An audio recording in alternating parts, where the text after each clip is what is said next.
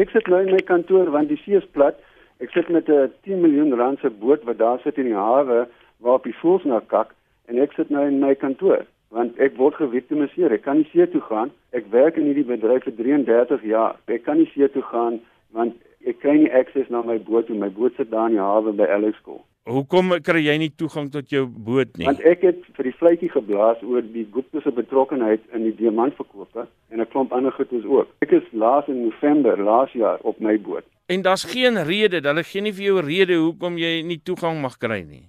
Hulle sê net sommer hulle hernie nie die kontrak nie. Ek die Equitable Access Campaign is die enigste mondstuk van hierdie bedryf in Namakoland. Daar's niemand anders wat die kleinskaal marine diamant miners uh, praat. En al drie van ons het ons kontrakte uh, verloor. Wat is die probleem op die oomblik met Alex Kor?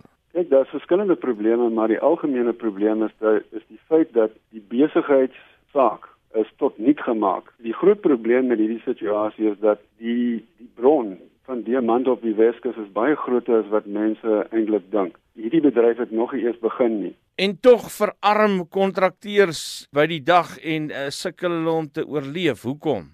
Omdat ons nie die kans gegee is om die tegnologie te ontwikkel wat ons moet om die res van die bron te kan bykom. Wie se verantwoordelikheid is dit om te sorg dat daardie tegnologie tot kontrakteurs se beskikking is? Innovation is 'n ekonomiese issue. Dit was die konsessie-eienaars se verantwoordelikheid om seker te maak dat daar nou equitable access is, want as daar equitable access is, dan kan enige bedryf floreer. En as jy nou sukkel om elke maand of jaar net te bestaan, kan jy nie bekostig om risiko te vat en nuwe tegnologie te probeer ontwikkel. So ek gee heeltemal die skuld op eers die regering wat glad nie aandag gee op die probleme in die in die Namakolandse uh, kleinskaal mynbedryf en ook op die op die konsessiehouers wat die hele ding gemonopoliseer het. So jy kan nie 'n geval hê waar jy 110 000 hektaar uh see gebied wat tussen twee maatskappye besit word en nie een van hulle weet hoe om 'n diamant uit die see uit te haal. En dan die ouens wat dit wel weet, hulle word of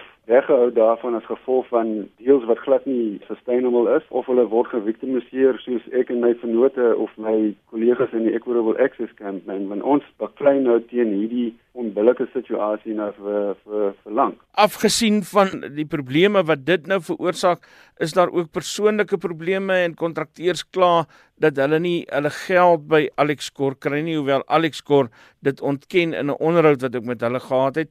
Kan jy bietjie daarop uitbrei? Ja, kyk, die groot probleem by Alisco is dat na jare se uh, uitbuiting is, ek meen die dorp en die in in die myn self is nou in 'n aflike toestand. Daar's kantore in Johannesburg wat 'n helse klomp geld elke jaar hier uitsyfer, 40 miljoen rand elke jaar, uh, terwyl die kraan by die hawe nie werk, hulle het nie 'n slipway wat werk. So die die service delivery nommer 1 is 'n groot probleem want wat die royalties betref is Elisco het cashflow probleme so ek dink dit is die rede hoekom die kontrakteurs nie hulle geld kry nie vir die rebate want die geld is nie daar nie. Ek meen dit is die argument wat ons maak nou al vir 10 jaar. Ons het eers in parlement uh, uh, dit vir die portfolio komitees van minerale bronne in 2010 gesê daar's 'n probleem in hierdie bedryf.